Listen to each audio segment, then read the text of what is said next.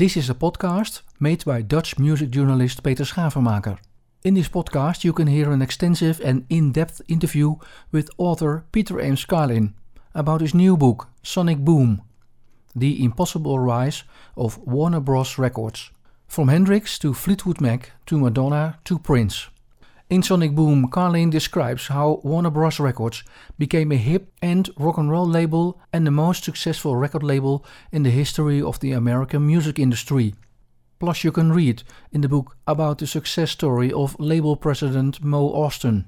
In this podcast, we talk about how Warner Bros. Records signed record deals with The Kinks, The Grateful Dead, Van Dyke Parks, Fleetwood Mac, Prince, Madonna, George Harrison, REM, Red Hot Chili Peppers, and dozens of others. Could have been the title for the book also The Acceptance on Rock and Roll Music. Well, you know, I mean, it, it, it's interesting. I mean, it's one of the interesting things about uh, the story of Warner Brothers Records is how it really tracks the you know the rock and roll era. You know, starting with the rejection from you know the way that the you know the original owners and founders of the label were so desperately opposed to rock and roll music, but then eventually, you know, you know they had to they were going broke and so they had to realize that things were changing and you know and finally acknowledge the fact that rock and roll was the dominant popular music yeah. and uh, and then they lucked into uh, you know getting mo ostin and joe smith who are a couple of you know smart younger executives who not only liked rock and you know could accept rock and roll but but but also were uh, smart enough to look into the future and see how it was going to change mm-hmm. as yeah. we I, I read I read I read the book cover to cover extensively mm. uh, of course um, thank you uh, let's start um, from your personal head from the Van Dyke Parks Song Cycle uh, album 67 mm-hmm. at that moment moment you were 24 uh, you discovered it, it's a very important album throughout the book from the start and uh, at the end and towards you know Van Dyke Park's role in Warner. Um, yeah. why, is, why is that so important uh, a part for you and for the book, the album? Well, you know, I mean, I was I've been aware of Van Dyke Parks for probably almost you know 35 40 years mostly you know entirely at first because of his his work with Brian Wilson in the mid 60s with the Beach Boys and his role as Brian's collaborator on the you know the great legendary Smile album that Brian and Van Dyke were making for the Beach Boys in 1966 that fell apart and you know and became this kind of legendarily unreleased record that that you know the snippets that snuck out were so beautiful and innovative and you know wild that people could only imagine what this whole thing was going to be. And then you know so I, you know as a little you know as a as a teenager you know i would see this name on beach you know the credits of beach boy songs van dyke parks which was just such a different name. I mean all the other guys associated with the beach boys you know were you know they had names like brian and carl and mike and you know i mean roger and Jim and you know just regular names. And here was a guy that sounded like a completely different type of character.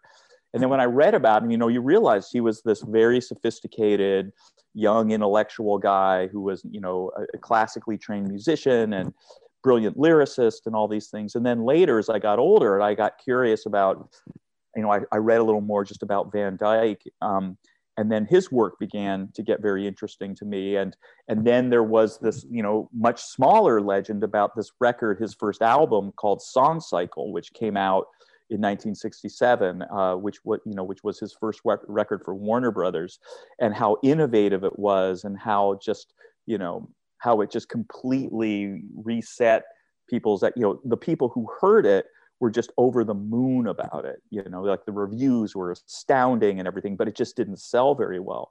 So I had run off and bought a copy probably in the 80s, you know, or, you know, and then finally brought it home to listen to it. Very, it's such a complicated record mm. and so wild and innovative that it's just, I just couldn't wrap my arms around it. You know, it's, I almost, mean, a, it's almost a musical theater uh, kind of uh, record. Yeah? It's, uh... Yeah, and he plays with sound, and all the sounds are distorted, and there's weird sort of you know there's there's all sorts of weird found sound stuff on there and and and distortions of you know of the tapes and things being sped up and slowed down and you know and warbled and moved around. Eh, eh, you know and then finally when i was working on this book about warner's and i became aware of what a significant figure van dyke was in the warner brothers world i um i actually uh decided well i'm going to try to experience this mm-hmm. record in the way that Van Dyke probably intended people to experience it, which was to go and smoke a bunch of dope and, and get stoned and, and then listen to it, you know, with the lights out, you know, with headphones on, mm-hmm. lying on the floor. Mm-hmm. And that's what I did. And, and then the thing kind of opened up for me, you know, I mean, I had a moment, I, I sort of was in the right headspace. And, you know, and since then I've listened to it a whole lot of times and I, you know, I don't have to be stoned the entire time. Yeah. But, and his, um, in his visionary way of making that record and his role uh, uh, reinventing music and and uh, is there a line in the way Warner uh, changed in that sense?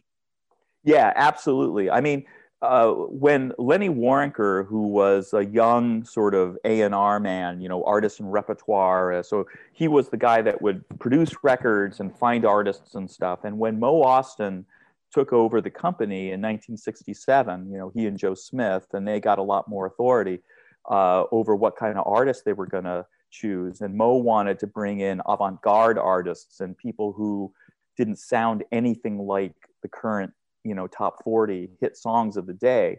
One of the artists that he was really excited about was Van Dyke Parks because Van Dyke was so sophisticated and smart and such a brilliant musician and so innovative and you know and also a really really good arranger and producer and so Lenny brought in Van Dyke and Mo Ostin signed him, you know, on a, in a contract to not only as an artist but also as a staff uh, arranger and producer, and you know, he really wanted to get as much out of Van Dyke as possible. And when Van Dyke turned in Song Cycle, you know, uh, Mo's partner Joe Smith listened to it and was like, "Oh my God!" You know, it, like his famous quote was, you know, he turned to Lenny Waronker after they played it for him the first time. And he said, "So this is called Song Cycle," and and they're like, "Yeah." And he goes, "Well, where are the songs?" You know, because it's such a strange conglomeration of things. So, so and, he gets, uh, so he gets the Warner uh, train moving in the right direction.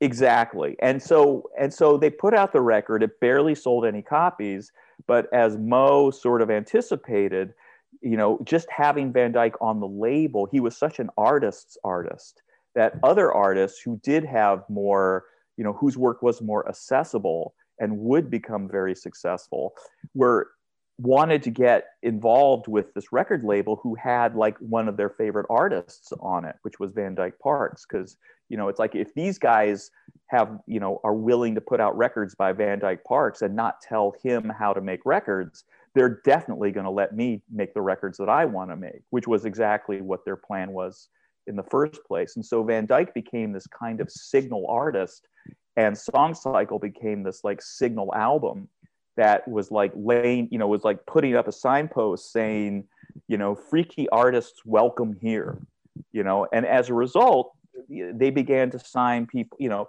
they got uh, Joni Mitchell and Neil Young and James Taylor and and and Fleetwood Mac and all these people who were pretty edgy artists at the time. But then soon the mainstream began to move in their direction.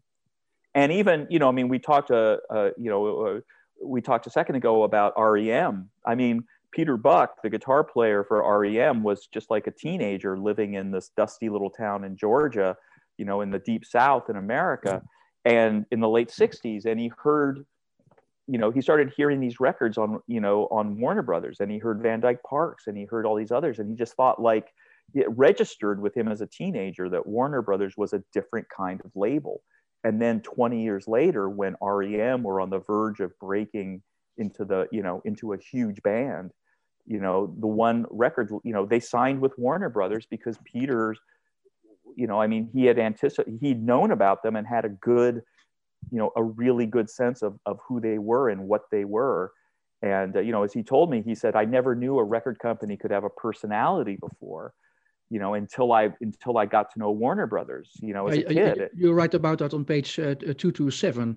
Uh, he was inspired by Van Dyke Parks, but also by Captain Beefheart.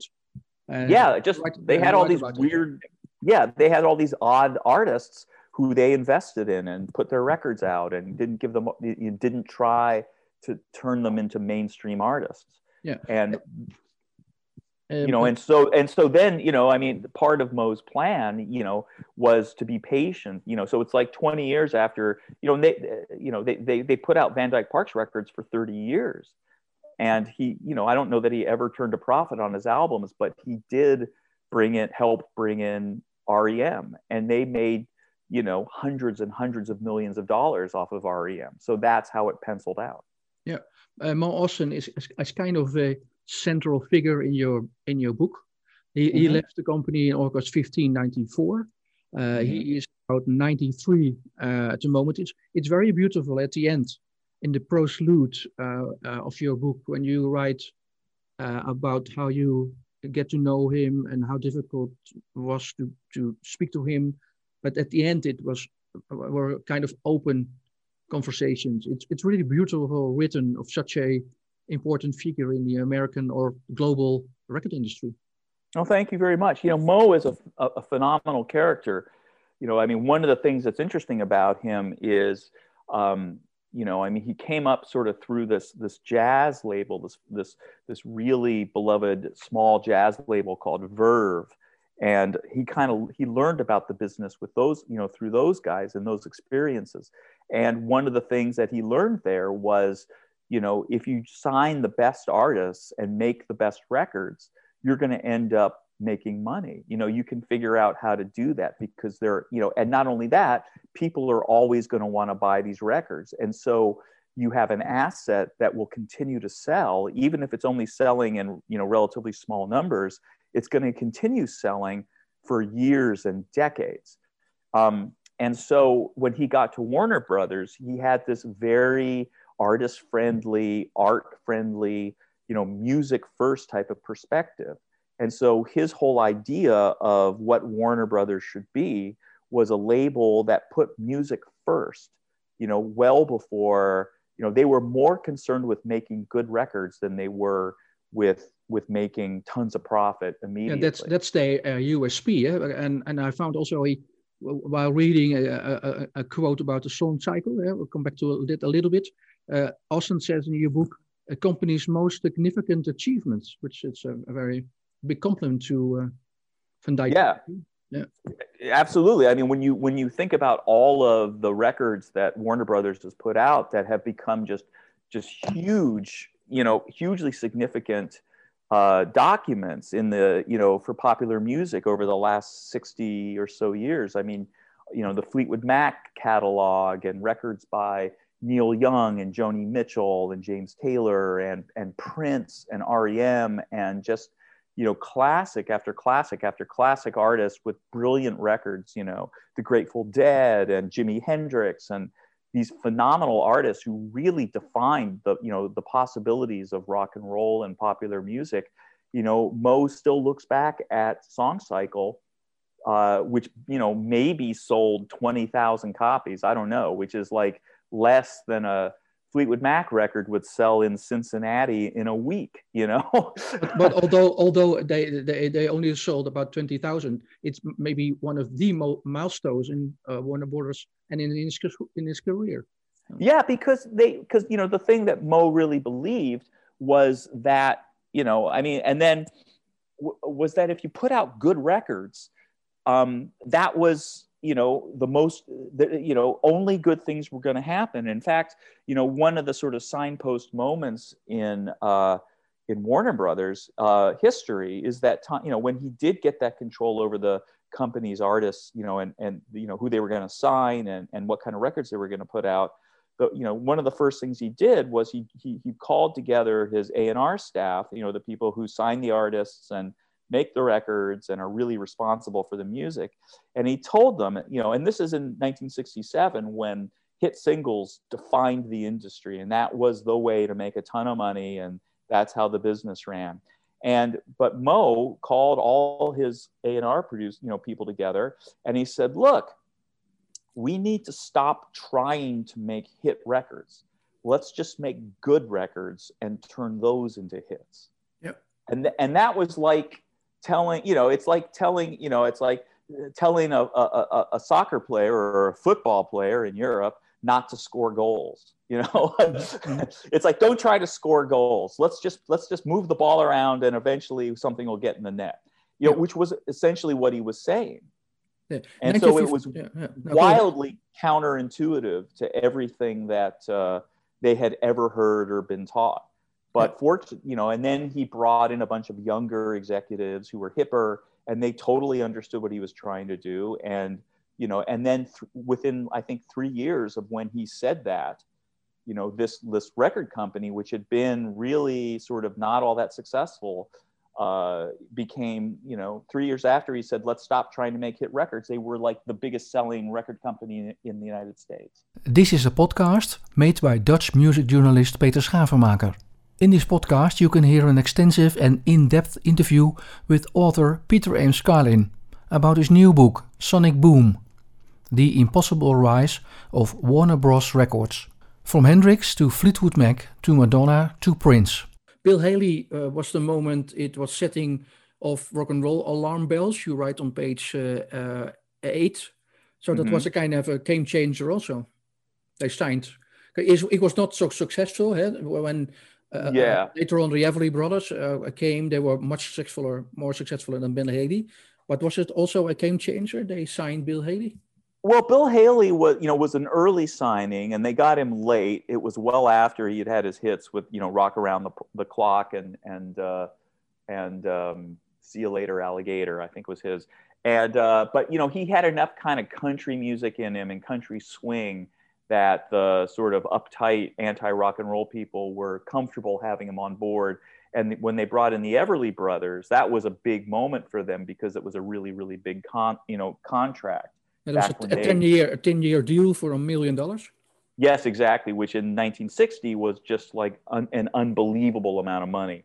Um, but I think really, in some ways, the most significant thing in terms of their becoming a rock and roll label was in 1964 when they um, they realized they had the rights to they had signed a distribution deal with a British label called Pye. Yeah, which which and held the, the, the rock and roll artists at the moment in England. So yes, and one of the artists they had was you know were, were the Kinks. Kinks, yeah.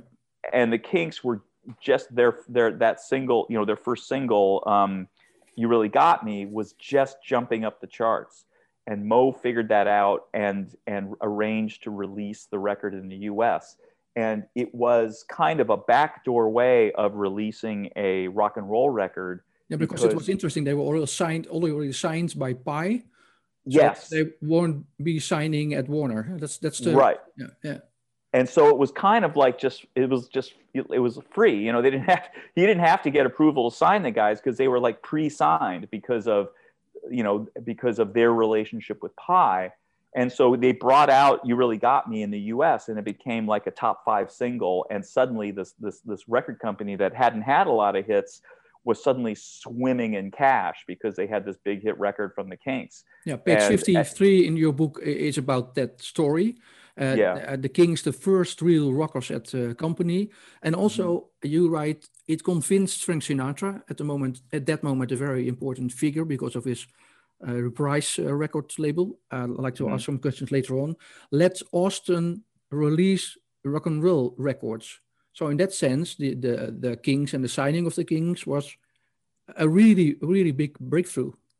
Yeah, yeah, yeah. You know, I mean, it probably had to happen. And I think, some, you know, the way that Frank Sinatra gets into the story is that the Warner Brothers that we know today was actually two labels that were merged and one was Warner Brothers, which was founded by Jack Warner of the movie company, you know, Warner Brothers Movies, and the other was Reprise Records, which was or Reprise, depending on how you decide to pronounce it, which was a label that Frank Sinatra started in 1960 as a kind of small boutique label for himself and you know a handful of artists that he really liked.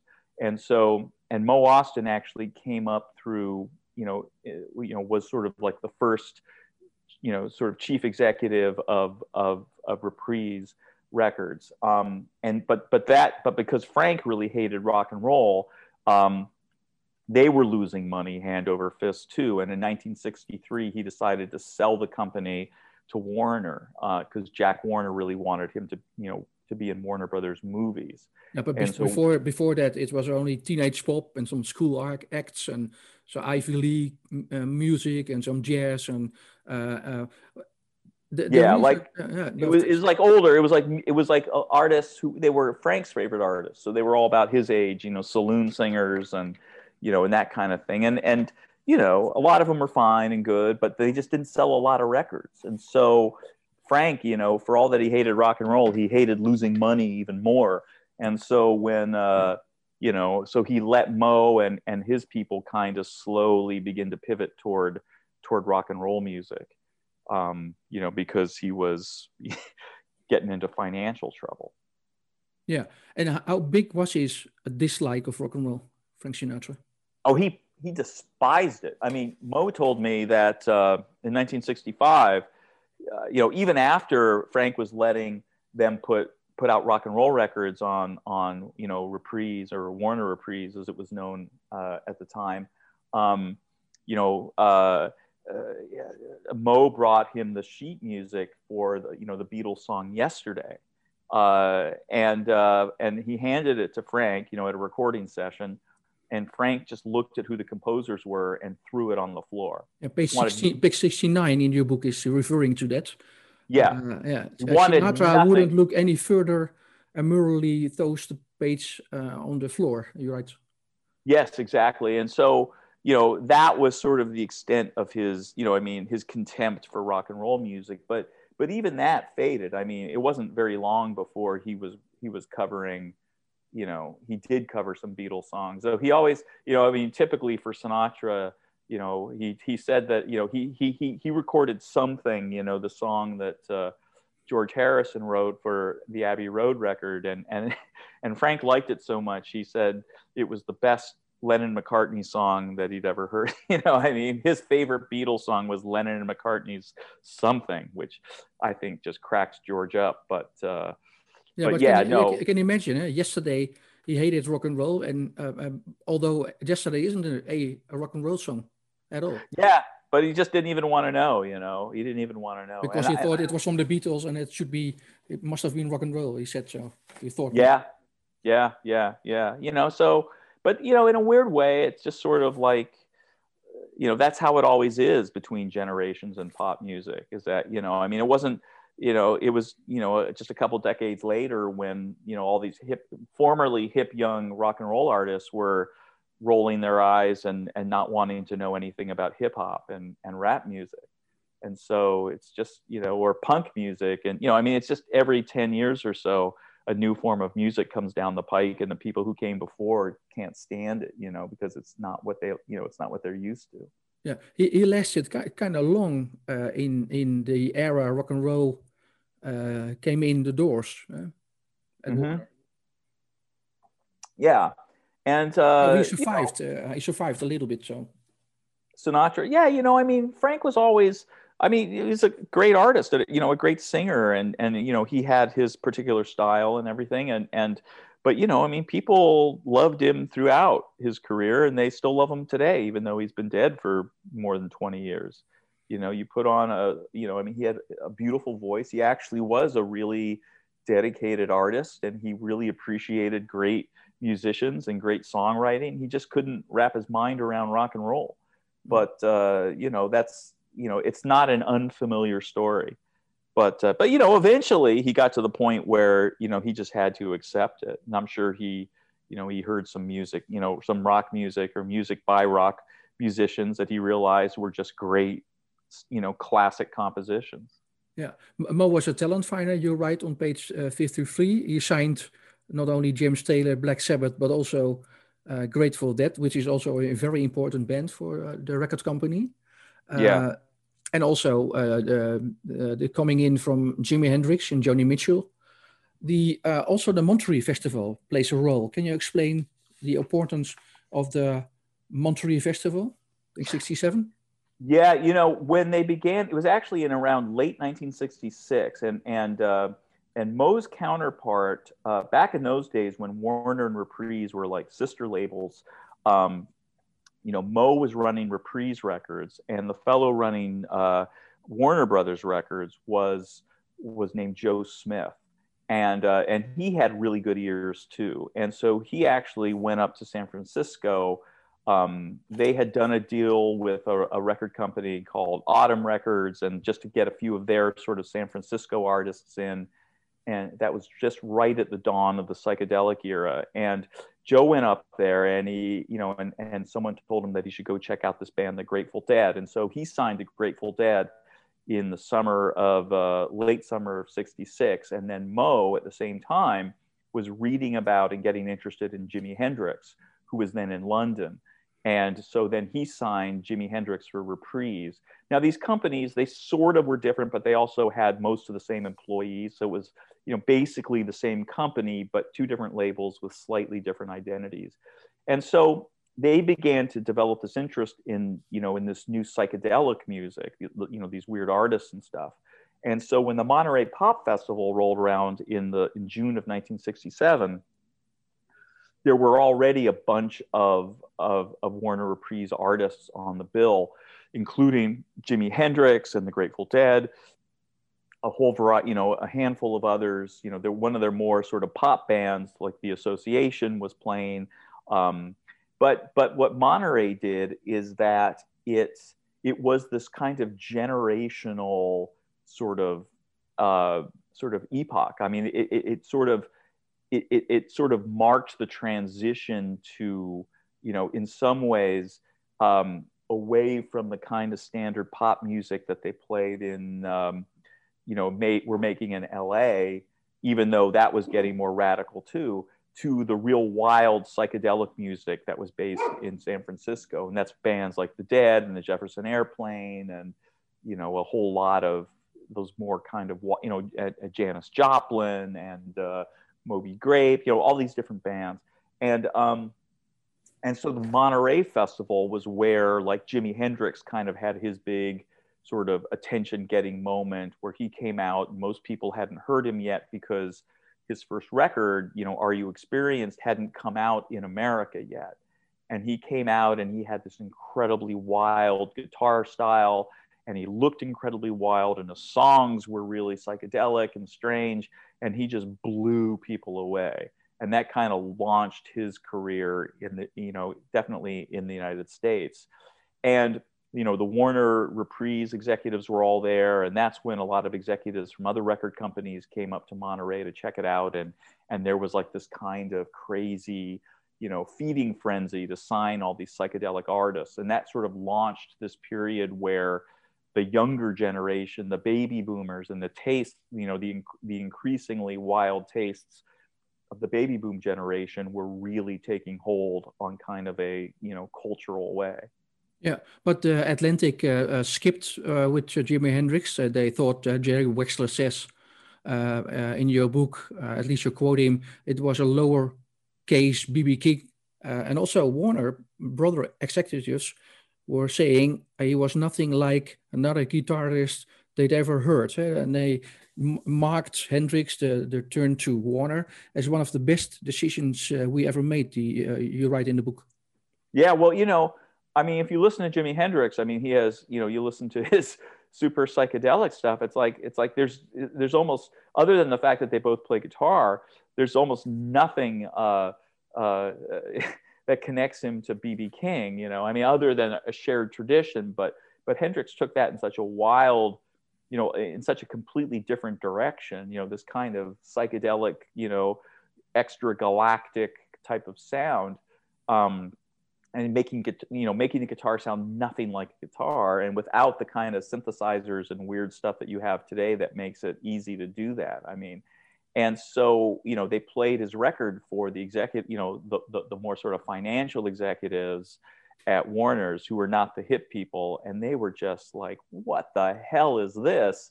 It just sounded like noise to them. Like they had no idea how you know that this could connect to anybody. But then, you know, what they didn't understand, but what Mo Ostin did was that the kids who were going to buy the, you know, who were buying records were going to love this.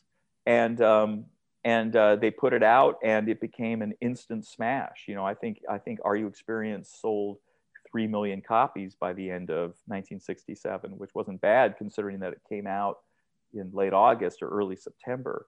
but it was you know you know the grateful dead on the other hand took years to break through for you know whatever reason and uh, you know so they lost money for the company for at least a good four or five years. Yeah because they didn't see any uh, demands on college campuses uh, uh you you write on page uh, 74 they see they saw it very much too late. There was much interest uh, at school campuses for the grateful dead. Yeah yeah. And you know, and then one of the reasons why they signed the dead was, you know, it was like the same reason why they signed, signed Van Dyke Parks is that they were sending a signal to, you know, record buyers and people who made records that we are now the hippest record company that there is. And indeed, that became their reputation, you know, by, you know, 1968, 1969, because they were signing artists that like no other major record company would touch. Yeah, the, and, not, and not, only that, but turning them into hits. You know. Mm-hmm. So, uh, uh, uh, for my opinion, reading the whole book at page seventy-three and seventy-four and seventy-five, so those pages are kind of key pages because uh, you write uh, and you quote Billboard from November twenty-fifth. 1967, the industry noticed Warner hunts for a new breed of music men so mm-hmm. the, the the new way of Warner approaching uh, the new music and embracing it, that's changed. So the the industry noticed. It's a kind of a key page I I noticed. Am I right? Yeah. Well, it, it was interesting. I mean, you know, I mean, Billboard was noticing that uh, you know that Warner was up to something different and new. Uh, you know, at the time, you know, I mean, and, and one of the things that that Mo was doing was bringing in like a new generation of, of record executives that were not like the guys that had been around forever. You know, he hired, you know, young, sort of long haired, bearded executives and, you know, people to come in and run, you know, to, to help run the company. And a lot of them had never worked in the music industry before. You know, he, he liked to bring in like teachers and people who just, you know, who loved music but had never worked in the industry. And, and part of the reason why he wanted them there was he just had this gut sense that that that that the record you know that the record industry needed to change and needed you know in order to cater to this huge new audience of record buyers which were you know the baby boomers who had been like you know teenagers and school age kids when the beatles showed up in the early 60s um, and, you know, and they were sort of dismissed as teeny boppers. But you know, add six, eight years, and suddenly the, the people who had been high school teeny boppers were now either in college or college graduates and far more sophisticated in terms of their tastes, but also far, uh, you know, they now they had jobs and careers and money to spend. And they weren't gonna, you know, the, the earlier expectation was as these kids grow up, they're gonna go back and listen to Sinatra and be you know and like jazz music but no what mo figured out was they wanted to hear more sophisticated rock and roll you know and that's exactly that's exactly what happened and by bringing in like these young freaky executives he's just sort of created this company where you know i mean one of the things that, that people told me was that you really it was really hard just by looking at them to tell the difference between the people who were the artists you know in these hippie bands and the hippie executives who were working for them at the company yeah but the hippie executives uh, knew what was going on in the music world and outside in the world huh? so that was yeah, the it, advantage yeah. exactly exactly you know whereas everywhere else in the industry you know they were you know they were working by the set of standards and practices that had been established decades earlier.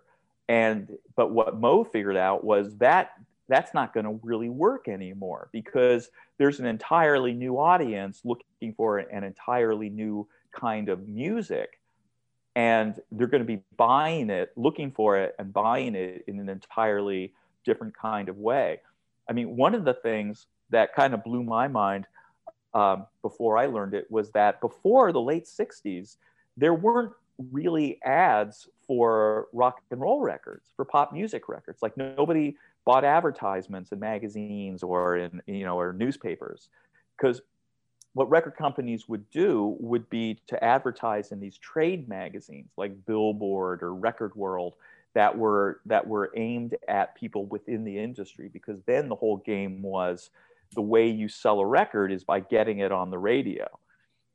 And as a result, you know, they pitched all their their promotional stuff to the people who decided, you know, program directors and disc jockeys and distributors and the people who decided what was going to be on the radio and what was going to be in the shops. You know, and they would just put out these ads saying, so, you know, such and such a record has been added to 10 playlists around the country in these radio stations in Cleveland and Miami and Cincinnati.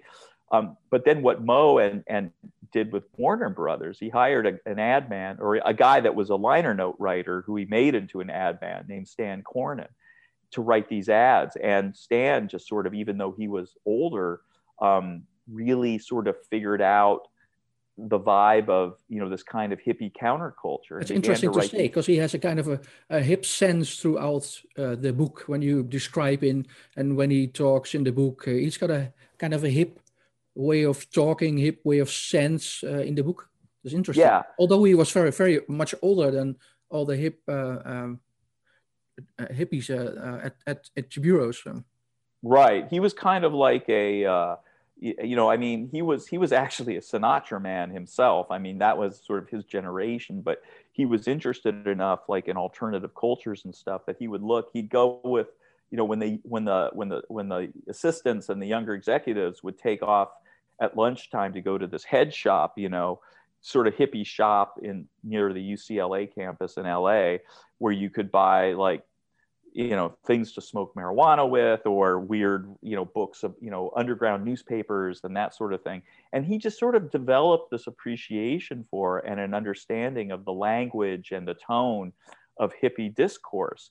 And so he began to write these ads for warners that were just they were like anti advertisements you know i mean uh, you know, where where as opposed to doing this hard sell of so and so is the most brilliant artist ever, you know, when he was uh, writing an ad for for Randy Newman's first album, and you know, we all know Randy Newman's voice. It's kind of slurry and and burry and kind of, you know, he sounds, you know, kind of like a, a you know somebody said. Uh, uh, you know, like a blues singer on on Downers, you know, um, uh, you know, uh, Stan wrote this ad that had a big headline that, you know, with a picture of Randy Newman saying, once you get used to it, his voice is really something, you know, which is, which is sort of like almost an insult to Randy Newman. But on the other hand, it's just, you know, who he, you know, but, but, but, but the thing is, is that the, the hippies who were going to buy this record in the first place would see that and think like, that's cool. You know, he's not twisting our arm. He's just kind of,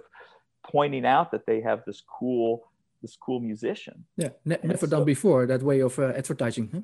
Right, and it made a huge hit with the hippies. I mean, it wasn't you know he did all these ads, you know, and like like we were talking earlier about Van Dyke Parks's uh, song cycle record, which got like the best reviews of the year in 1967, which was like the same year that Sergeant Pepper's Lonely Hearts Club Band came out, and a lot of landmark records came out but you had a lot of very serious music critics and you know and very popular you know uh, sort of the people who were you know this new generation of sophisticated you know rock and roll critics all saying this is the album of the year mm-hmm. and so stan wrote this ad uh, basically that with a big headline saying um, you know how we lost you know, $35,627.59 on the quote album of the year, unquote, and then parentheses. And then he wrote, damn it.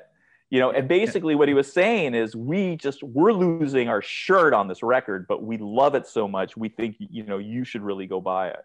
Yeah. Um, uh, uh, in, in the book on page 90, there's a nice story about the rival between Atlantic and Warner uh, regarding uh, signing Led Zeppelin.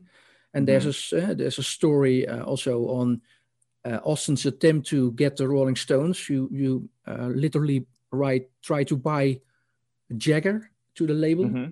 Um, yeah.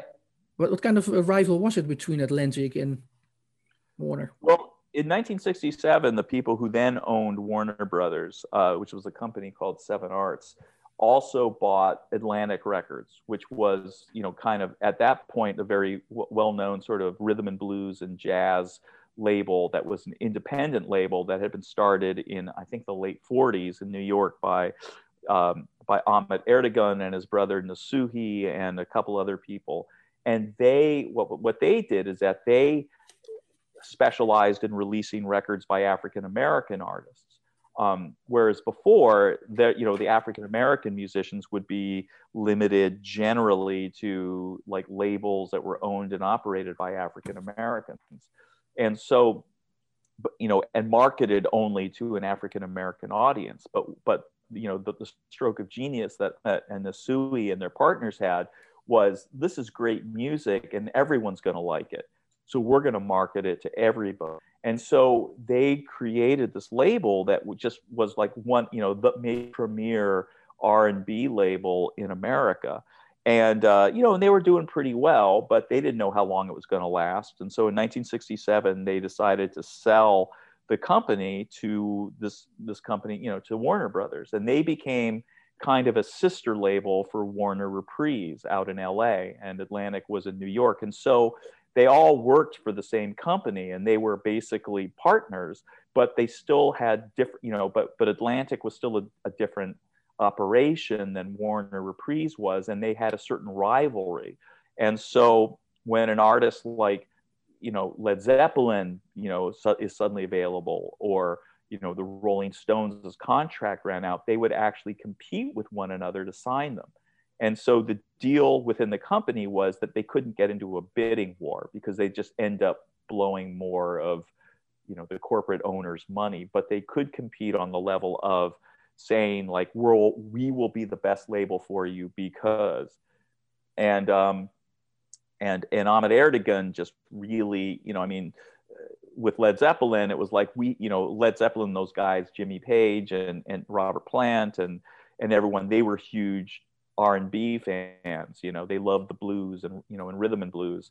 And so Ahmet sold them on like, you can be on the same label with all the, your favorite artists. Uh, you know, and with the Stones, it was just because Ahmet and Mick were, you know, were becoming great, great, great friends because Ahmet liked to party like Mick did. And, you know, he could stay up all night and drink and snort Coke and do all this other stuff that Mo wasn't going to do. Mo, for all that for, for for as hip a person as Mo was in terms of his taste, he was still you know pretty much a regular guy. So uh, you know a family man and all that, and so uh, uh, you know, but they they you know they had like these moments of trying to outdo each other and sort but of. Would you say uh, uh, uh, that way, Mo? is it like a family man lost lost the company the Stones or because otherwise they could would have signed it or well, you know, I mean, I think what happened was with the Stones. I mean, the Stones became available in I think 1969 when, uh, or 1970, yeah, 69 or so when uh, their their contract with, with I think Decca in England. It, it was London, yeah, mm-hmm, London in in the United States is what it was called. Um, they. Uh, uh, you know, they wanted to move to a different label, and Ahmet loved the Stones, and he recognized how popular they were going to continue to be. And so he just really put the moves on Jagger. I mean, and just was like with him all the time and hanging out with him and really kind of bonding with him, as we say these days. But Mo also understood that the Stones were going to be, pot, you know, were, you know, an incredibly uh, great band that were going to be popular for a long time. And so he made a play for them too. And, you know, and did a good job of connecting with Jagger. But ultimately, like Led Zeppelin, I think Mick Jagger and Keith Richards and the rest of the Rolling Stones just loved the idea of being on Atlantic Records with all their favorite rhythm and blues artists. And so, you know, I mean, so Ahmet and Mo were like, you know, what we today we call frenemies. You know, they were they liked each other, they they respected each other, uh, but you know, it, when it came to work, you know, they were always, you know, they were also rivals. You know, they were always trying to outdo each other to get like the artists who they thought were going to be huge.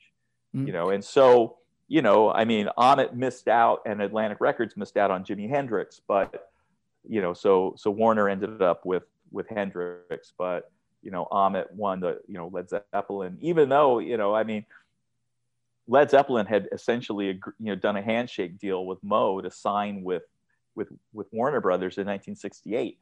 But then you know Ahmet sort of said no no no no no you should you know and Jerry Wexler like you should come to New York and at least meet with us. Uh, before you finalize that deal. And so they went out there, and by the time they finished spending a weekend with Ahmet and Jerry Wexler, excuse me, they signed. They ended up signing with Atlantic, and and Mo is still pissed off about that. You know, 55 yeah. years later. What's what's interesting is uh, we talk about lots of bands, and most of them are uh, from the UK, from England. Uh, the Kinks. It started all out with the Kinks when they signed mm-hmm. were signed by uh, Warner. how would you define the role of of the English music in the in the history of Warner? Well, you know, I mean, in the '60s, those English bands. I mean, you know, we talk about the, the you know the British invasion in uh, you know with the Beatles in 1964 and all these other bands that came to the U.S. sort of on their shirt tails and became you know really really popular. It just became super hip among young fans of rock and roll music. You know, you sort of gave the benefit of the doubt to any British band, and so. Um, you know, and so there was a lot of attention being paid to British bands. And so, like in 1968, 69, you know, this band, you know, Fleetwood Mac, who at the time was was basically a blues band, you know, a pretty creative blues band. Uh, you know, Mo was like, you know, Mo would follow the British music magazines and stuff, and that's where he found Jimi Hendrix, and he he began to hear about this band Fleetwood Mac, and so he signed Fleetwood Mac, and um, you know, and and and kept them on board for you know for years, even though their records didn't really sell that well in the U.S. in the late '60s and early '70s. No, but uh, Warner, but Warner is a typical American label, right? Lots of uh, uh, English uh, English influences, so that makes it interesting, also. Hmm? Yeah, yeah, yeah. You know, but but I mean, that was just sort of what the the culture was doing at the time, you know, and of course the what was interesting was that you know a lot of those British bands in the '60s who were you know became so popular in the U.S. You know, they learned everything you know that they knew about pop music from listening to American records. I mean, the Beatles loved American artists, and you know, especially R&B artists and country music, and Led Zeppelin and the Stones, and and a lot of these other bands were you know they would listen to American records and sort of translate it and build their sound sort of you know with that as a central influence Mm. The Grateful, the Grateful Dead, you write on page 112, 112, pushed the company's image. Yeah, because they were like the freakiest hippie band in, in you know in San Francisco. Uh, you know, they played really psychedelic music. They were much more of a uh, of an American band. They didn't really have a lot of British influences because they came up sort of through folk music and rhythm and blues and stuff. And so, um, you know, and, and, and even country music, you know, by, by the late 60s, early 70s. Uh, and but but their freakiness and the fact that they were kind of like the sort of in some ways like the original psychedelic bands coming out of San Francisco, at least as far as people outside San Francisco understood. And so having the Grateful Dead on the label, you know, was very pot. You know, was a very uh, significant thing for Warner Reprise in 1967, 68, 69, because it signaled to these other hip bands that Warner was a safe place to be, that these people were hip and they had this like the coolest band that that the, you know th- that all the musicians loved the most out of San Francisco. Yeah, the and most took, freak, the most freakiest hippie bands you write on page 146. Right, exactly. They, they have, yeah, yeah. And, and so, so, so, let's say it's uh, 67, 68, and 69. Are, are those the years Warner became uh, uh, the hip label you write about also in the book?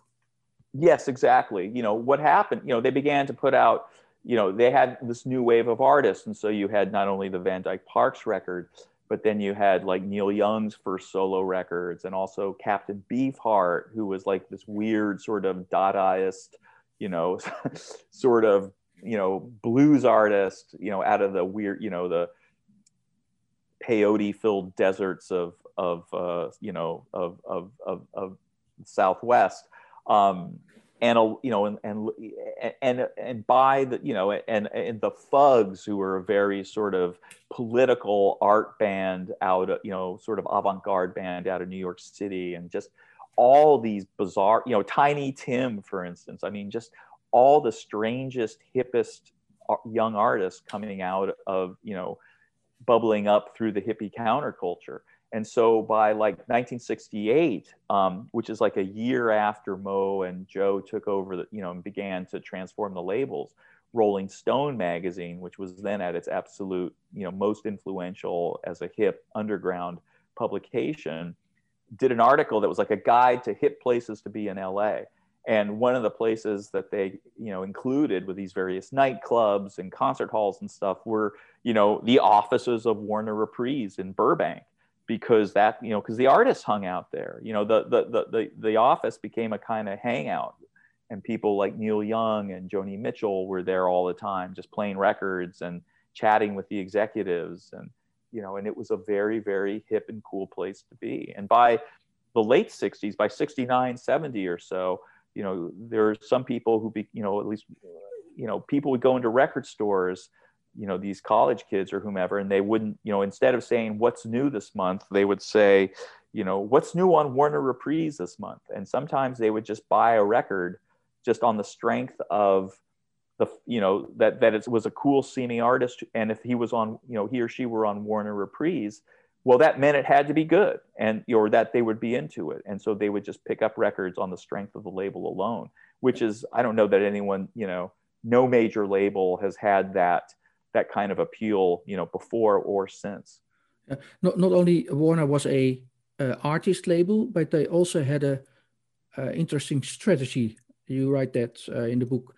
It's called Simple Patience. Uh, gave the artists um, more time and uh, building their audience. And one of the examples of that is Fleetwood Mac, because Mo Ostin gave Fleetwood Mac an extra push, um, calling them Buckingham, California rock sound from page 182. Um, th that's interesting also to know. Yeah, you know, I mean, Fleetwood Mac is kind of like a, one of the primary examples of, of the success of Mo's approach because you know he signed them in 1969 they never sold that many records i think they had one record that might have gone gold in 72 or so and and not only that, but there was always this chaos in that band because they kept losing their lead guitar players and songwriters, you know, Peter Green and Jeremy Spencer, and then this fellow Bob Welch. And so there was like this constant chaos in this band as, you know, they kept losing their, you know, their their star members.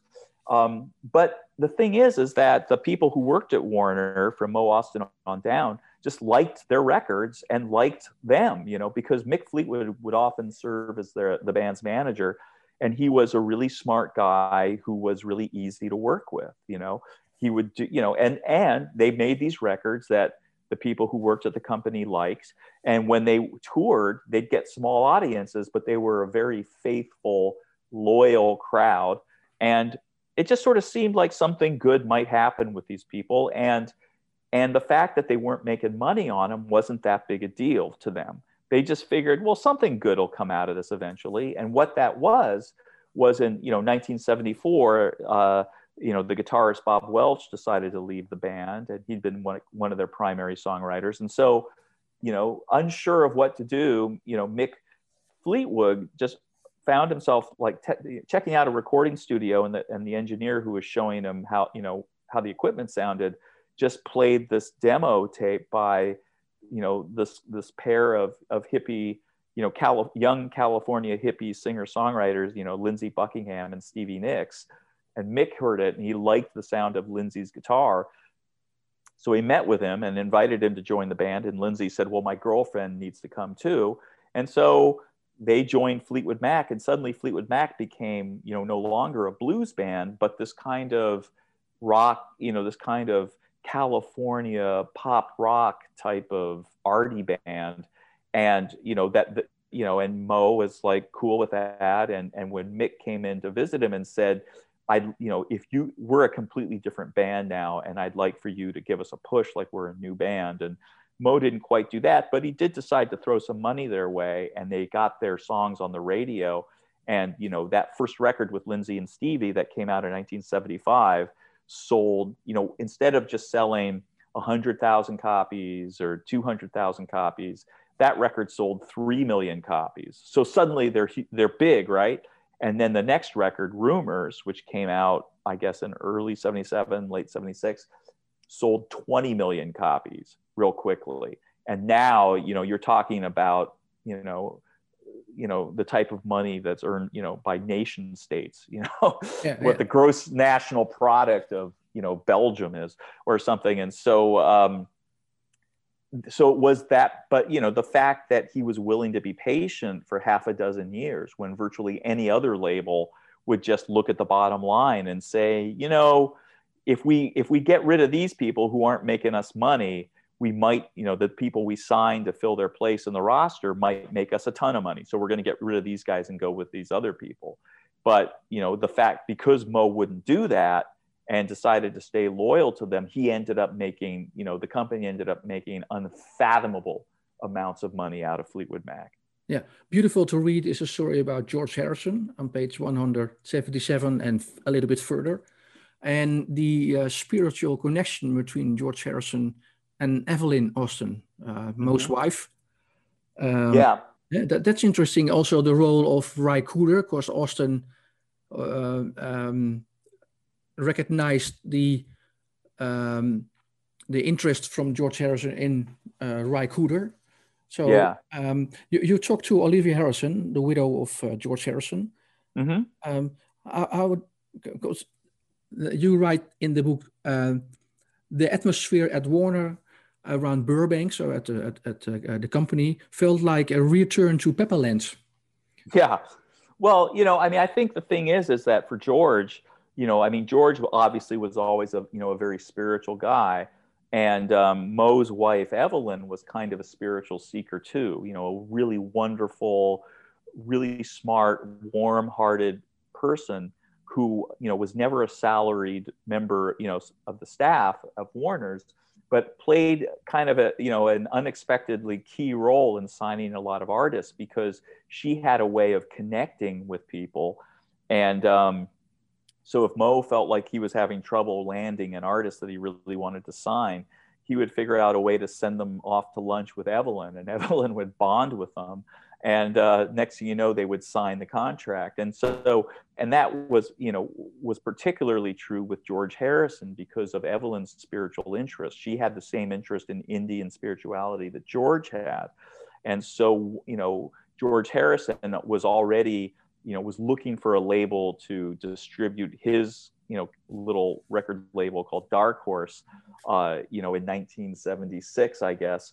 And um, he met with Mo, and Mo knew that George loved the guitar player Ry Cooder, who had been a, a, Warner artist for nine years at that point, or excuse me, you know, seven, eight years at that point. And Ry is just like one of the great guitar players in the world. Again, not an artist who was going to sell a lot of records, but he gave them a lot of artistic credibility. And George was such a huge fan of Ry Cooder's that Mo arranged, uh, you know, the first time he came in to to hand George an advance copy of Ry Cooder's new record, and George was over the moon because he loved Ry Cooder so much. You know, so between that and then his connection with Evelyn, it was just, you know, they just, you know, George just fell in love with the company, and uh, he signed with them, and and you know, and released records that generally did really well. Uh, and then in, in the late 80s yeah until cloud he, cloud nine uh, then it, it, it, became very large selling and also traveling wilburys. So but it, in the beginning at warner it wasn't successful at all so. Yeah well he you know he he, he you know the, by the mid 70s george was sort of less successful as a solo artist um, after you know exploding out of the box in the early you know 1970 with all things must pass um, but then, you know, they put out a record with you know, 33 and a third came out in 1976, and that had a couple hit singles, and that that sold really well. You know, I don't think George ever really lost money for the company. Uh, and obviously, having an ex Beatle on your label was good. You know, was great publicity for the label too. Yeah. So, in but, historical perspective, eh, you you write on page 178, Warner Bros. Records got themselves a Beatle. How important is that in the history of Warner Bros. Records? Well, you know, in the larger context of all these other acts that they had, you know, which include, you know, obviously Fleetwood Mac, for God's sake, um, you know, and a bunch of very, very successful artists. But, you know, but I still think that through the ages, I mean, the influence of the Beatles and the, and just the, you know, the love so many people have, you know, the undying love that people have for the Beatles you know, I think just having a Beatle on your label was, you know, w- was never going to be a bad thing. You know, and artists who are probably Beatle fans were going to like the idea of sh- being on the same label and working with the same company as George Harrison.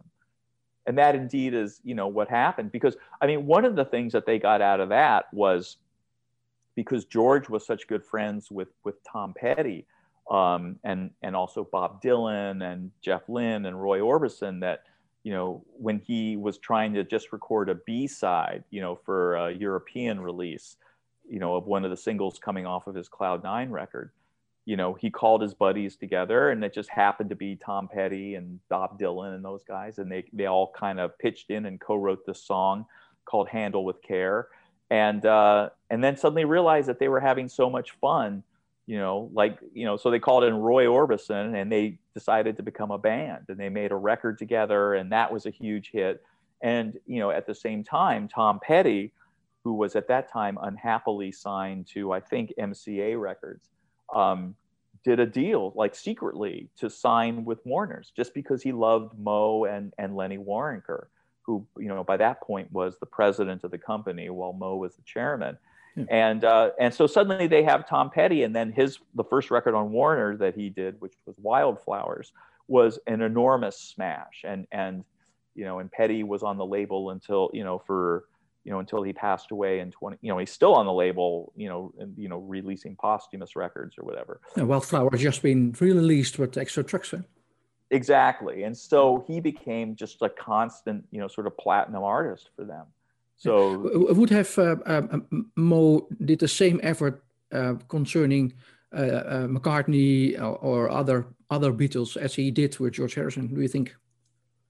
Well, you know, Paul cut himself such a great deal when he went back to Capitol or EMI in uh, golly, when was that? Because he signed with Columbia Records in the late in '79 or so and put out a few records with them. But then when he came back to Capitol or excuse me, EMI, uh, you know, he managed to, you know, the deal he put together gave him a higher percentage of royalties on the Beatle records, you know, which was an un, unending stream of revenue, and that became kind of a sour point for the, you know, the, the other Beatles.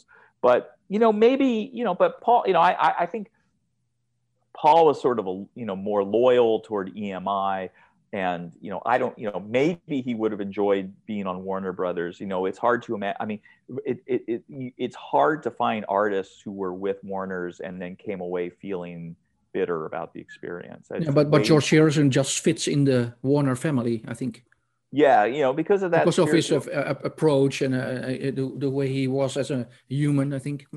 Yeah yeah yeah you know i think you know i mean the other uh, the other ex Beatles, you know, point just Paul and, and Ringo, uh, you know, I'm sure that had they signed with Warner, they would have been, you know, perfectly happy there. Uh, but, um, you know, because I mean, you know, one of the interesting things about the label is that the success that they had with this artist friendly kind of hippie-ish attitude that they started in 1967 you know it didn't just last for the hippie era or for five years or ten years. I mean they were still, you know, they were either the most uh, successful or one of the top two or three most successful record companies in the world for nearly 30 years. You yeah, know, and it, and it was not only it was not only rock and roll because eh? they signed also, and that was a kind of a surprise to me. They also signed to soul and jazz, uh, Chaka yeah. Khan and George Clinton and George Benson in around 74 and uh, Funkadelic, uh, Al Jarreau,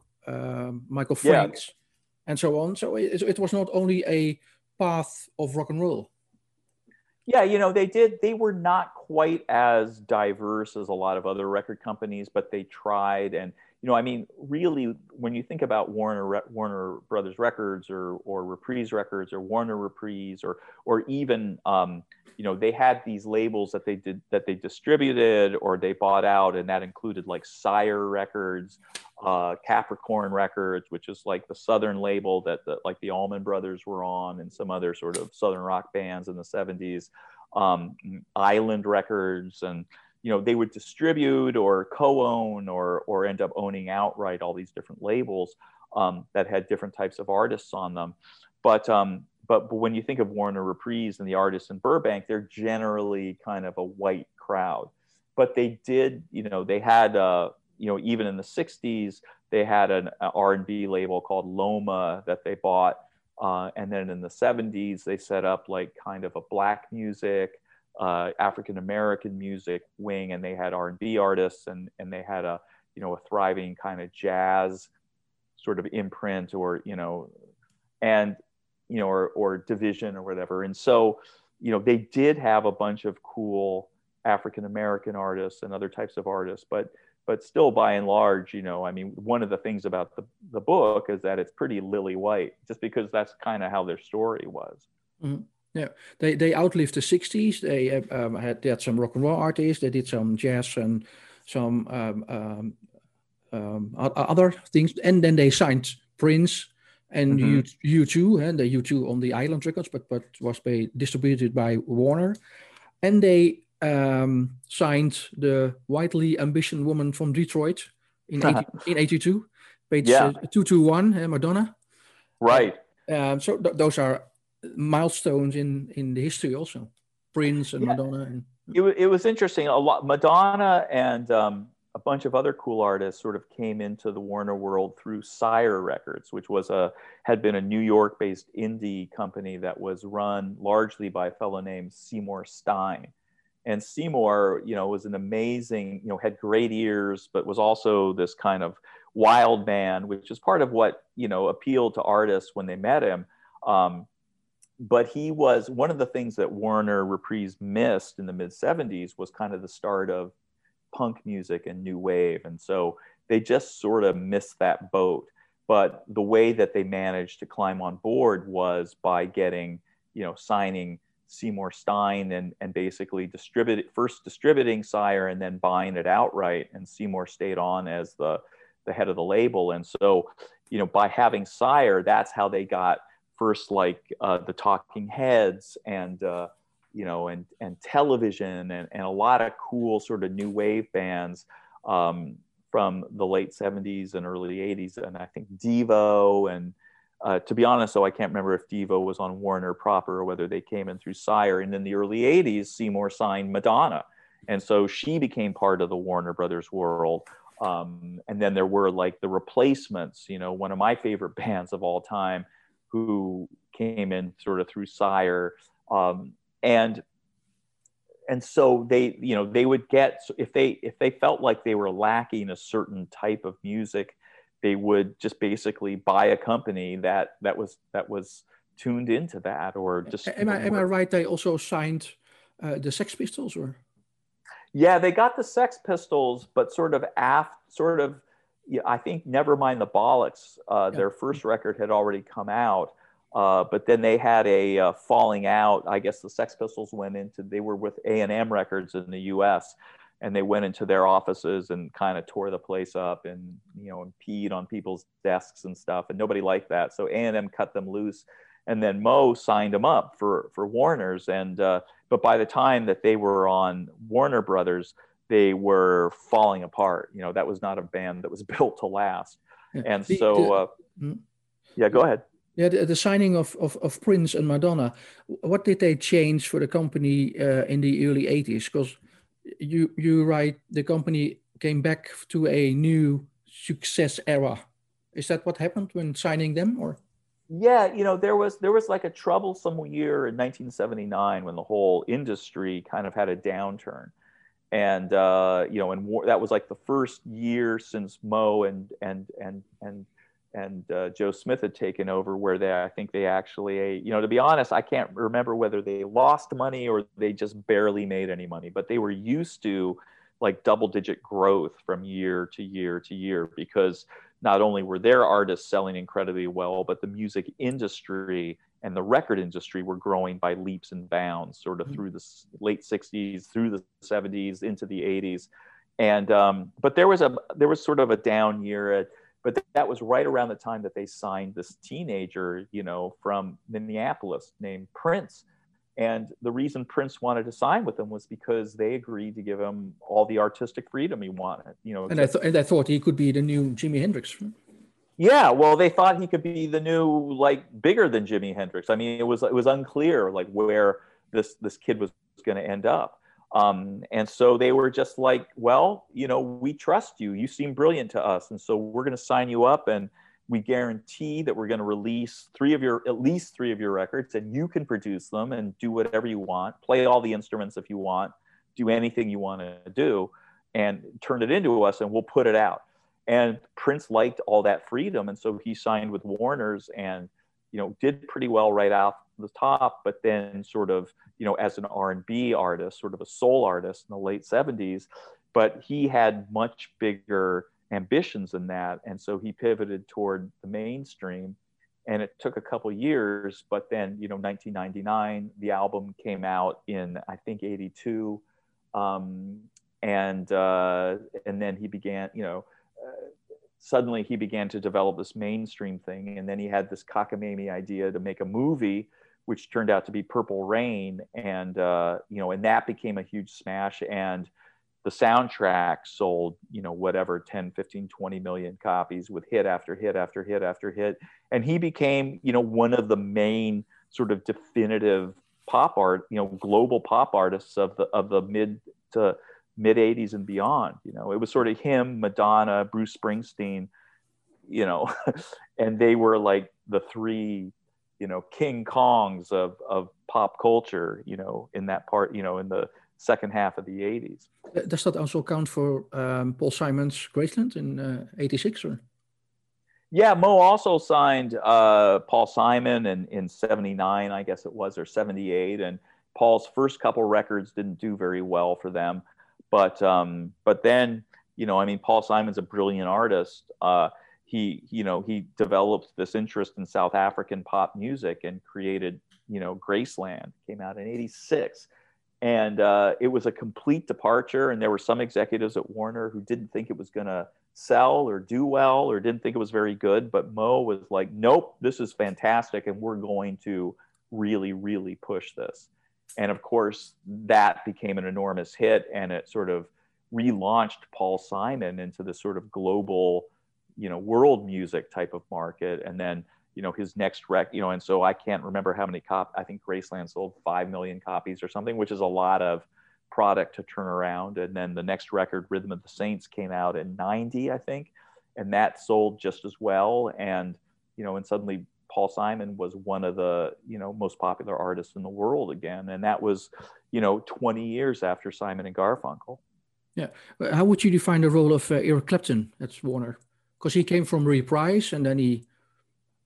Well, he had been on uh, golly, what was I can't remember what Clapton's label was at first, but then he signed with with Warner Reprise um, in uh, I think the 80s at some point, and uh, you know, I mean, and Clapton is, you know, obviously one of the epic artists from the 60s and, you know, one of the most beloved artists from that era uh, for so many reasons. But, you know, by the early 90s, it seemed, you know, the, one of the things that had helped fuel Warner's, Warner Reprise's success, you know, through their most successful, successful years was that the fellow who owned the corporation that owned the record companies, fellow named Steve Ross, um, was he was smart enough to understand that he himself had no idea how the music industry worked or how record companies worked. And so what so he gave the record company bosses, you know, Mo Ostin, uh, Joe Smith, and you know, and, and Ahmet Ertegun, and those guys just basically said, "You guys do whatever you do, and if you want, we can, you know, we can talk once a year and I'm not going to inter, you know, and just talk about how the numbers were that year. And if that's a good conversation, you can go a whole other year without talking to me at all. Like I don't care, because um, I don't know what I'm doing with music, but you guys do. So Steve had this respect for these guys and this comprehension that there's a sort of X factor in understanding what type of music was going to be successful not this year but next year and the year after that you know you have to be able to intuit stuff um, but then when Steve got sick and passed away in uh, the early 90s, um, another generation, the people who followed him into power at the company, and they did not have the flexibility uh, and the intelligence that Steve Ross had and began to want to horn in you know these are money guys these are business majors you know people with business degrees who, who who who were governed by the bottom line and had no insight into music and pop culture at all and at one point you know in the early 90s this one executive called mo and just basically told him to drop clapton because clapton had a expensive contract and and wasn't really making money for the company. Um, I don't know that he lost money, but he wasn't making money. And this guy figured he never would again and essentially tried to order Mo into dropping Clapton from the label. But Mo was like, no, you know, not only am I not doing that, I never want you to call me and talk about this stuff again, because that's his contract guaranteed him that amount of freedom. And uh, the next record that Clapton put out was his Unplugged record, which ended up becoming the biggest selling album he ever had. And the MTV, uh, the MTV Unplugged album, you mean? Yes, the MTV Unplugged record. And that was an enormous smash in, I think, 92, 93. Uh, but by then, you know, kind of the writing was on the wall. And so, even given the decades of extraordinary success and profit that Mo Ostin and his people had created for, for the Warner Brothers Corporation, this new generation of executive came in and the guy that sort of got the power over the record companies decided that he wanted to get rid of these super independent record company bosses you know he figured it was easy to you know that running any kind of corporation meant you were also qualified to run a record company mm. well, why did you um, use the line the very model of a perfect uh, Warner Bros. band for REM on page uh, 228. Why the, are they the perfect model Warner Bros. bands, in your opinion?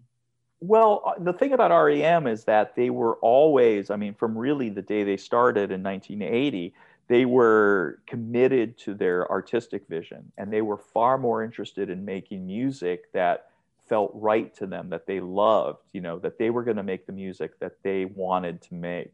Uh, and they cared a lot more about that than they did about appealing to a mainstream audience.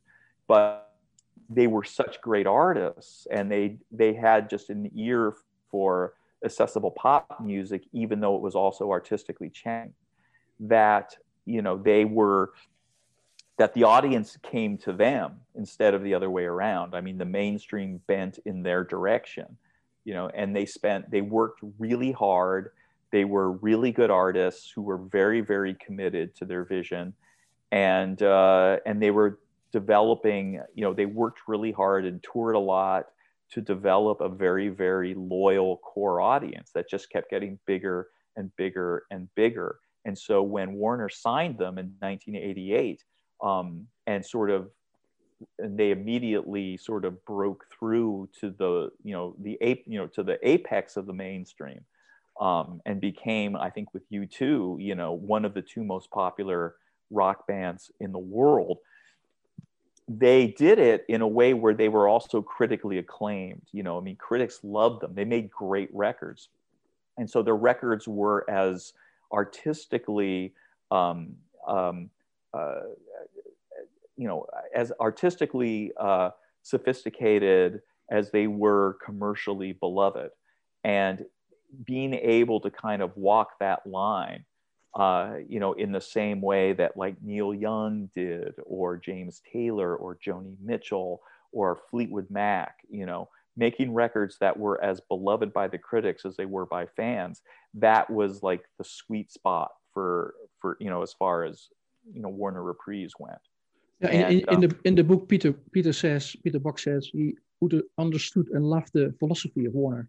Is that the reason why they connected so well and became the uh, what you what you just discussed the model band for Warner? Yeah, I, you know, I think that you know, I mean, I talked to Peter about you know that that you know they spoke to a whole bunch of different executives at a whole bunch of different record companies, and the, they just liked and trusted Mo Ostin and Lenny Waronker the most because you know they sat down with them, and unlike other you know other record company executives, they didn't trash talk their competitors.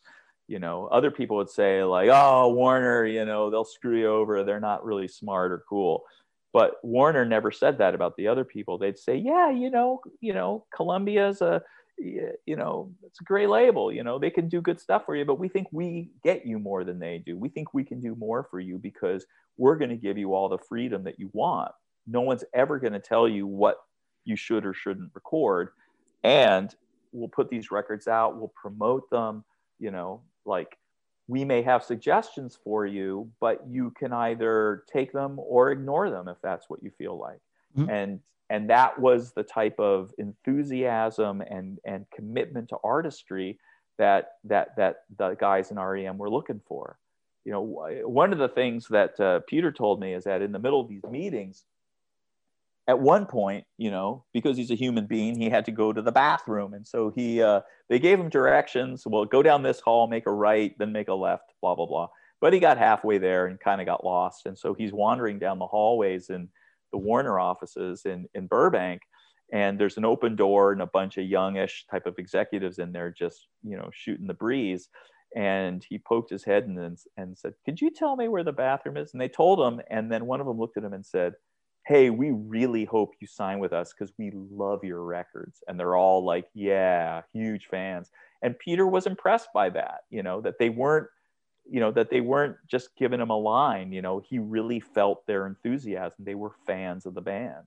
Yeah. And, um, and that was important to him that it was, that they weren't, you know, that there was this very uh, legitimate, very real you know affection that the people who ran Warner's had for him and his band. It's really a cool label eh, when you hear yeah. hear that so. Yeah. This is a podcast made by Dutch music journalist Peter Schavenmaker. In this podcast, you can hear an extensive and in-depth interview with author Peter Ames Carlin about his new book, Sonic Boom: The Impossible Rise of Warner Bros. Records. From Hendrix to Fleetwood Mac to Madonna to Prince. Mo Ostin, I already said it in, in the beginning of our, uh, our conversation, left in August 15, 1904 on page 240, 240, you say he took the spirit of Warner with him. Uh, and, you, and, then you also write about two days. Mm-hmm. Um, stated at w- Warner, they have the Flaming Lips, uh, Gary Clark Jr., and the Black Keys. But mm-hmm. um, you write um, a little bit further in the book on page 245. Nothing to be ashamed of compared to Jimi Hendrix, Fleetwood Mac, Prince, Grateful Dead. Well, it doesn't quite have the same oomph. yeah, you know, but then I think right after that, I admit that, you know, I'm 50, I'm a 57 year old white guy, right? So my tastes were formed decades ago. And so those bands that just feel like the most epic bands to me um, defined the culture and defined the pop music that I've loved since I was a little kid. And so maybe these artists who I see as being, you know, really good, but not like the type of artists who people are going to be listening to in 50 years, as far as I can see, um, is like, you know, to me, it's like, you know, the exciting part of the story is always when you know the artist is inventing themselves or in this case the company is inventing themselves and figuring out an entirely new and innovative way to do business and to you know and to make music and distribute music you know. To me that was the stuff that mattered the most. Um, they redefined the industry. It was their moment you know and everything how, how did how did they change rock and roll? Well i think that what they did was they um, you know, by putting the artist first and giving the artist all this freedom, uh, and also focusing on albums instead of singles. You know, I mean, until the late 60s, really 45 RPM singles, you know, with one song on the A side and one song on the B side, stuff that got played on AM radio was the definitive product for the for the industry. But what Mo figured out was, you know, people are going to, you know, music is pop music can be an art that, you know, that that that that that should have like an extended type, you know, that can be extended over the course of two album sides.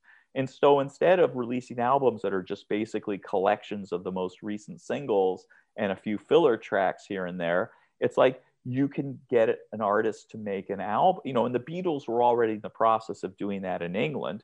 Um, make an album that stands as an extended piece of art You know, I mean, you go from, I mean, Beatles records like, uh, uh, you know, the early ones like Please Please Me and even like With the Beatles and A Hard Day's Night are collections of songs, singles and other songs. Whereas by the time they get to, say, Revolver and Sgt. Pepper, those are album length works of art. Um, where the songs work together and together they create something more powerful than just you know 12 or 14 individual songs. And mo saw that this was going to be the definitive way of presenting music from the late 60s forward. And he was absolutely right about that for a good 40 50 years. And now that music has you know digital streaming and digital music and streaming and everything it's it's sort of becoming more about individual songs again than it is about you know extended albums that you you know sit down and listen to in a particular order. Because um, you can play things however you want you know make your own mix make your own mixes or just put you know i always put records on shuffle oftentimes just to you know shake it up a little bit. But um, you couldn't really do that back in the days of vinyl albums because you would keep having to stand up and move the needle around which is a pain in the butt. Yeah, so, but, um, but, but, Mo Ostin was was a visionary um, uh, regarding rock and roll. Was was he more uh, like a visionary than other record companies? Like there are always a handful of people who are you know visionaries and are you know being able to see beyond the next corner and you know or the next two or three corners. Mo was definitely one of them. Um, but there but, are you know there are, the words words rock and roll are much used in in your book because uh, Warner is a rock and roll label. Uh, we talked about many, many rock and roll uh, bands and artists, and so in that sense, they they really changed the, the rock and roll, and they have a visionary uh, look upon rock and roll. Yeah, maybe, maybe differently than than other labels. Yeah, well, they championed. I mean, one of the things was, I mean, Mo could anticipate what you know, the, you know, the growth and the maturation of these, you know, baby boomers in the 60s who, you know, were teeny boppers at the start of the decade, but were, you know, college graduates by the end of it or college students and beyond. And those were the people who ended up becoming, you know, the main, and even now, you know, probably the main audience and market for, for rock and roll music. And that, you know, as they grew up, their tastes were going to change and evolve. And, you know and so mo understood that they were going to want more sophisticated music and sometimes it was going to seem kind of weird and avant-garde and strange but it's like what the heck you know we'll, we'll throw you know we'll, we'll, we'll commit to these guys and see where it goes mm-hmm. um, and so that you know so in a and also i think by you know by putting the music first and putting the artists first and and and making certain that the company was always focused on the fact that they were an uh, you know an art company. I mean, at one point in the book, you know, I sort of I observed that you know at its height, um, you know, Mo ran Warner Reprise, you know, the Warner Brothers company as you know basically like a for-profit sort of art commune because they would sign artists sometimes just because you know and and they would say this you know lenny waronker was famous for saying this a lot it's like you know, do you think these guys are going to be successful? And it's like, I don't know, maybe not, but, but look, they're so good, they deserve to make records, you know, for a major record company. Mm-hmm. And maybe, you know, and so they would also sort of like, they believed in kind of stocking, you know, stocking the pond, as it were. So they would sign artists because they knew they were valuable to music in general because they were pushing the boundaries. And as a result, other artists who were going to, you know, maybe more accessible and be more successful would have a bigger field to work in, you know, because these people were going to show, you know, figure out things about the possibilities of music and culture that these other artists maybe wouldn't. But it was going to be good. It was going to keep, it was like, you know, resting your your fields for a little while you know so that they can reseed themselves and kind of heal themselves and put the nutrients back in the soil you know that was kind of their approach was well we're going to sign these freaky people even though we don't think they're going to be a hit band because what they're doing is going to inspire all the other artists and it's just going to be good for you know it's it's just going to be good you know good for the medium Mm-hmm. And uh, you know, you don't. I don't know if there's any art, you know, major labels now that would ever even consider doing something like that. Yeah, uh, your book is not only about the sonic boom. Eh? Uh, Warner created, not mm-hmm. not uh, you use the title not for nothing, but also mm-hmm. maybe a, a, kind of a bio about uh, Mo Ostin in that sense, or? Yeah, yeah. You know, I mean, because you know, Mo is is you know is is a fantastic and and and very you know extremely influential figure in the history of you know not just popular music uh, but popular culture you know uh, you know on a global basis because he had faith in artists he believed in artistry and in you know and in the possibility of popular culture and you know to you know to become a very valuable and you know an important part of people's lives um, you know, both in terms of music and, and aesthetics. And I think also he sort of understood the sort of spiritual connection people have to music. And um, in the early days, you know, I mean, they kind of had this feeling. I mean, I don't know if Mo was like this exactly, that even though they were trying to make a certain amount of money in this business and do well and everything, they were also distributing music that was, you know, at the time, sort of a central way for the counterculture people to get information about what was going on and you know and, and philosophical type of information and like that that was part of the, one of the roles that artists played in those you know musical artists played in those days and it was like it was like you know releasing newspapers for people to look at you know with these with these art you know with these records. Um, and it was part of the you know the fight against the war you know the vietnam war and against you know regress you know sort of retrograde attitudes about drugs and sex and stuff. It was like this freer more advanced sort of generation with a whole different set of ideals. And uh, you know i mean that's how it seemed at the time um, you know it might not have come to the sort of fruition that it seemed like it was going to you know and, and now these... and now looking backwards so it was not only about music but it also has a social impact uh, yeah yeah. And they also, you know, I mean, one of the things, I mean, we talk about Stan earlier, we were talking about Stan Cornyn, and the guy that sort of was led up the sort of advertising part of the company and sort of the public image, the public face of the company. And, um, you know, he gave a speech in 1971 about, um, you know, the new rock morality, he called it, you know, and he was basically urging, it was like an industry event with a bunch of, you know, you know, a few thousand, you know, music industry people and he was basic you know executives and stuff and he was basically saying look if you guys you know for this this industry to survive we have to respect our audience. We can't treat them like kids. We have to give them quality products you know we have to invest in the products. We have to take their medium seriously because they take it seriously. Mm-hmm. you know and he was essentially saying we need to be more artist conscious and we need to put the art and the music ahead of the profits. Because you know even you know if you sacrifice the short-term product for a long-term investment you're you know as we are beginning to do you're going to make way more money and be way more successful and we're going to keep you know we're going to nurture this this you know this part of the culture that we work in. And and it's going to live a lot longer and be a lot healthier and more profitable for all of us if we take it more seriously and treat it with more respect. Yeah. At, at the end of the book you mentioned mo uh, gave you uh, his blessing.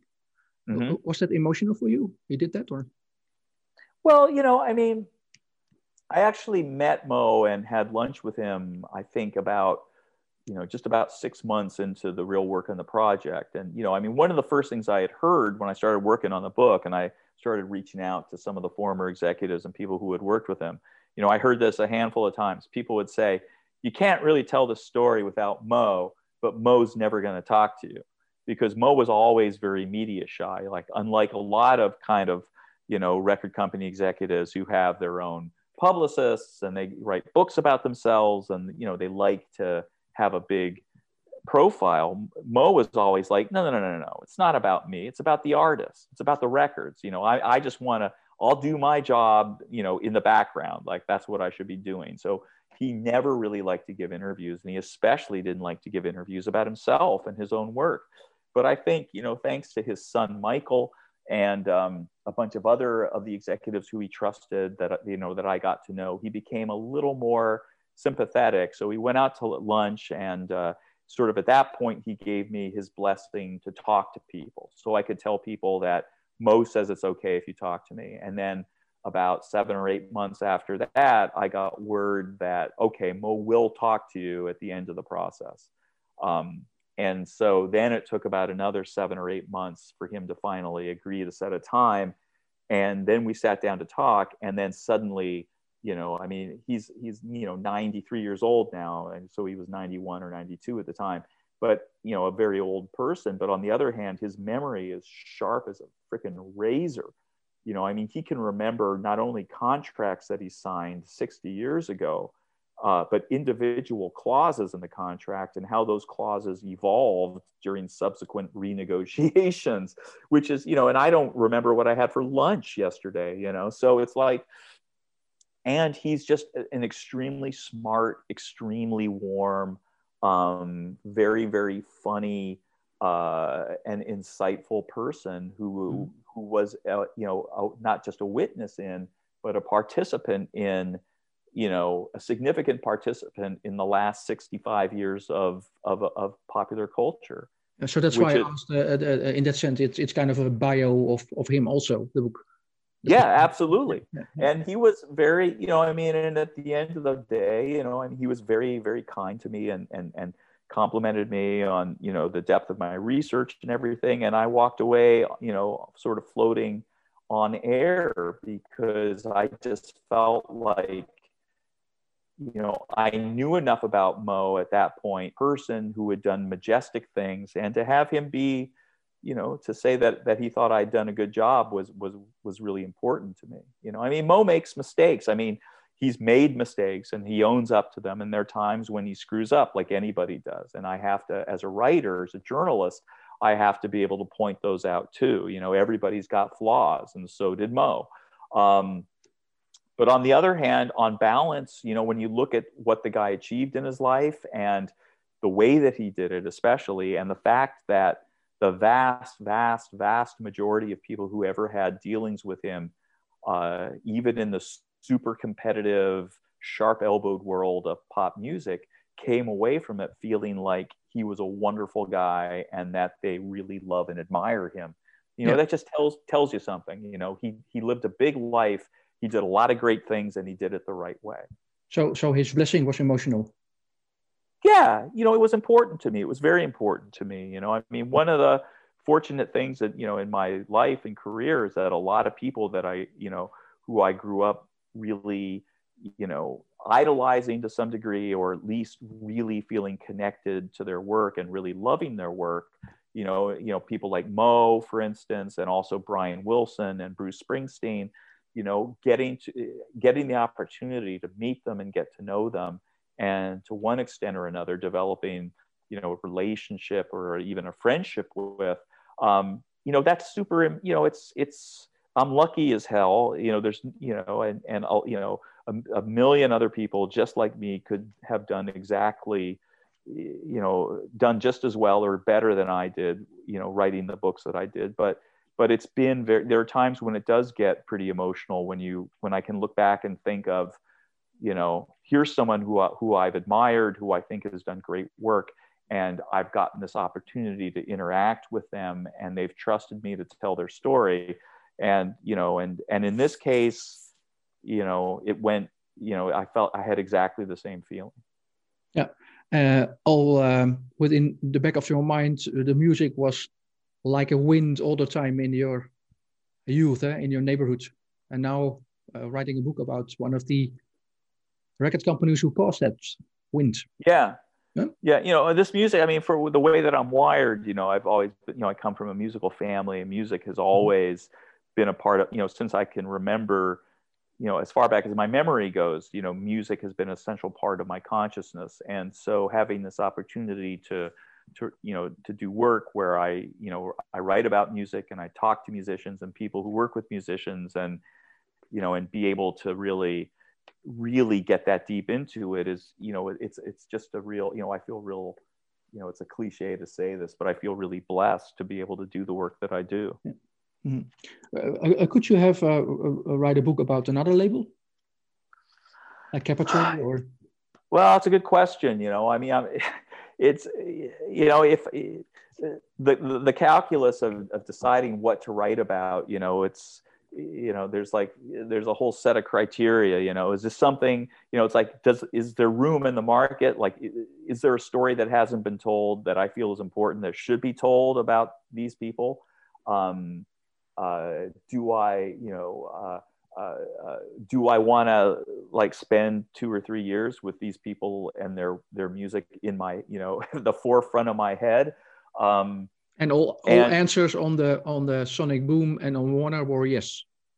Yeah, you know, because I've had these early experience. You know, I think I, I write in the beginning of the book. I mean, when I was six years old, my dad came home with one of these compilation records that they put out, uh, the Loss Leader series. You know, that had a sampling of like a lot of their artists' work on you know over two discs that you could get for two bucks. So my dad came home with one, and and I just, you know, and then eventually as a, you know, so I, I, I kind of became aware of what Warner Brothers was and what they stood for at those, you know, even as a, you know, as, as a, you know, six year old.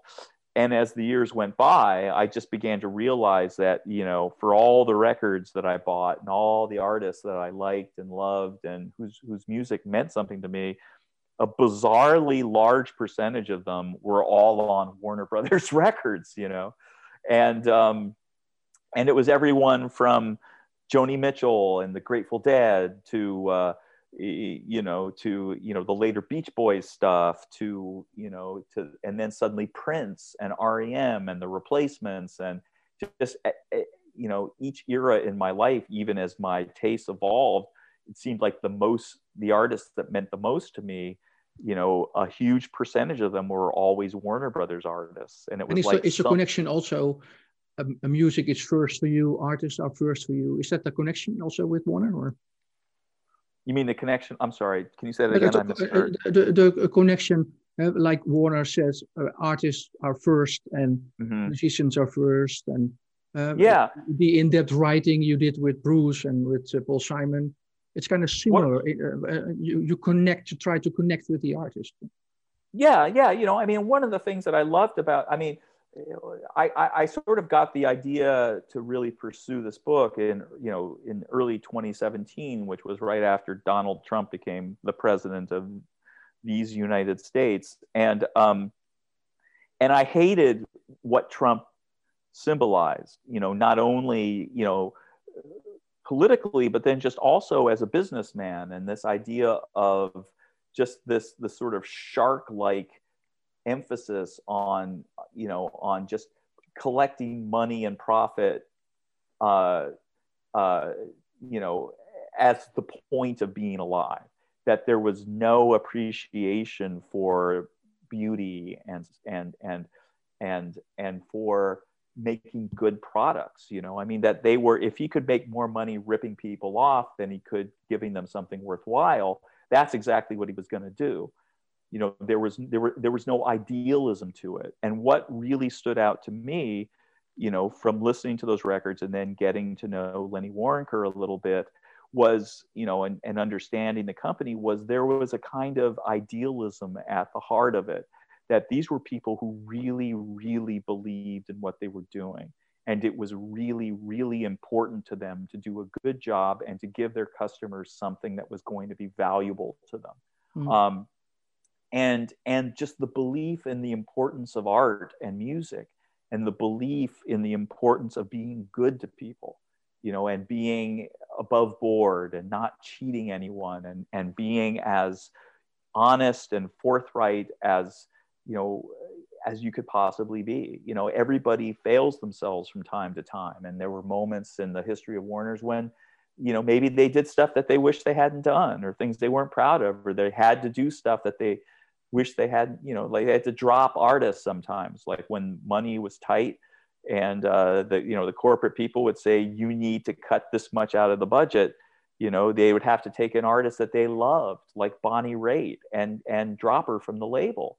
And it broke their hearts and it mm-hmm. broke her heart. She had been very very loyal to the company for a very long time and they'd been very very loyal to her. So you know, you occasionally, you know, they had to wield the corporate knife, but by and large, you know, Lenny would tell people, Lenny Waronker is a really cool character in the book. You know, he was sort of became really Mo's most valued employee slash partner because um, they saw eye to eye and there was a real tight connection between the two of them and and lenny was very very involved in the music and very very swept up in the idea that you know it was more important to make a good record than it was to make a you know one that was going to sell. And so when he was president of the company you know somebody one of the producers a&r people would come in and be completely upset because a record that they had made and put a lot of money and time into just didn't sell didn't connect nobody bought it they lost money on it. And you know and what i heard from these people is that you'd go into mo or to lenny and be terribly upset because you made this record that didn't sell. And he'd say, wait a minute, is it good? And they'd say, yeah, it's a good record. He goes, then that's okay. He goes, like, we're never going to get hurt by making a good record. You know, it's like, eventually, you know, eventually the money will take care of itself. But, you know, but I mean, of course, that had its limits. You know, you couldn't make flop after flop after flop after flop. You know, something was going to have to change. But, um, but that sensitivity and that belief and faith in art um, is incredibly moving to me, which is why I'm a writer and not a businessman, and why I'm not way more rich than I am today. But you know, what the hell? uh, thank you so much for the great talk. Oh, thank you, Peter. I really appreciate it. It's always a great. It's always great fun talking to you when when these things come up. I, I really enjoyed writing, uh, reading your book. So. Oh, thank you so much. That's great to hear. Thank you very much. And and I really, I always love talking to you, and I really really appreciate your. Uh, uh, your attention and and, and everything and uh, and also just how deep knowledgeable you are about the books and well, thank you. and everything. This was a podcast made by Dutch music journalist Peter Schavenmaker in very close cooperation with author Peter Ames Carlin about his new book Sonic Boom.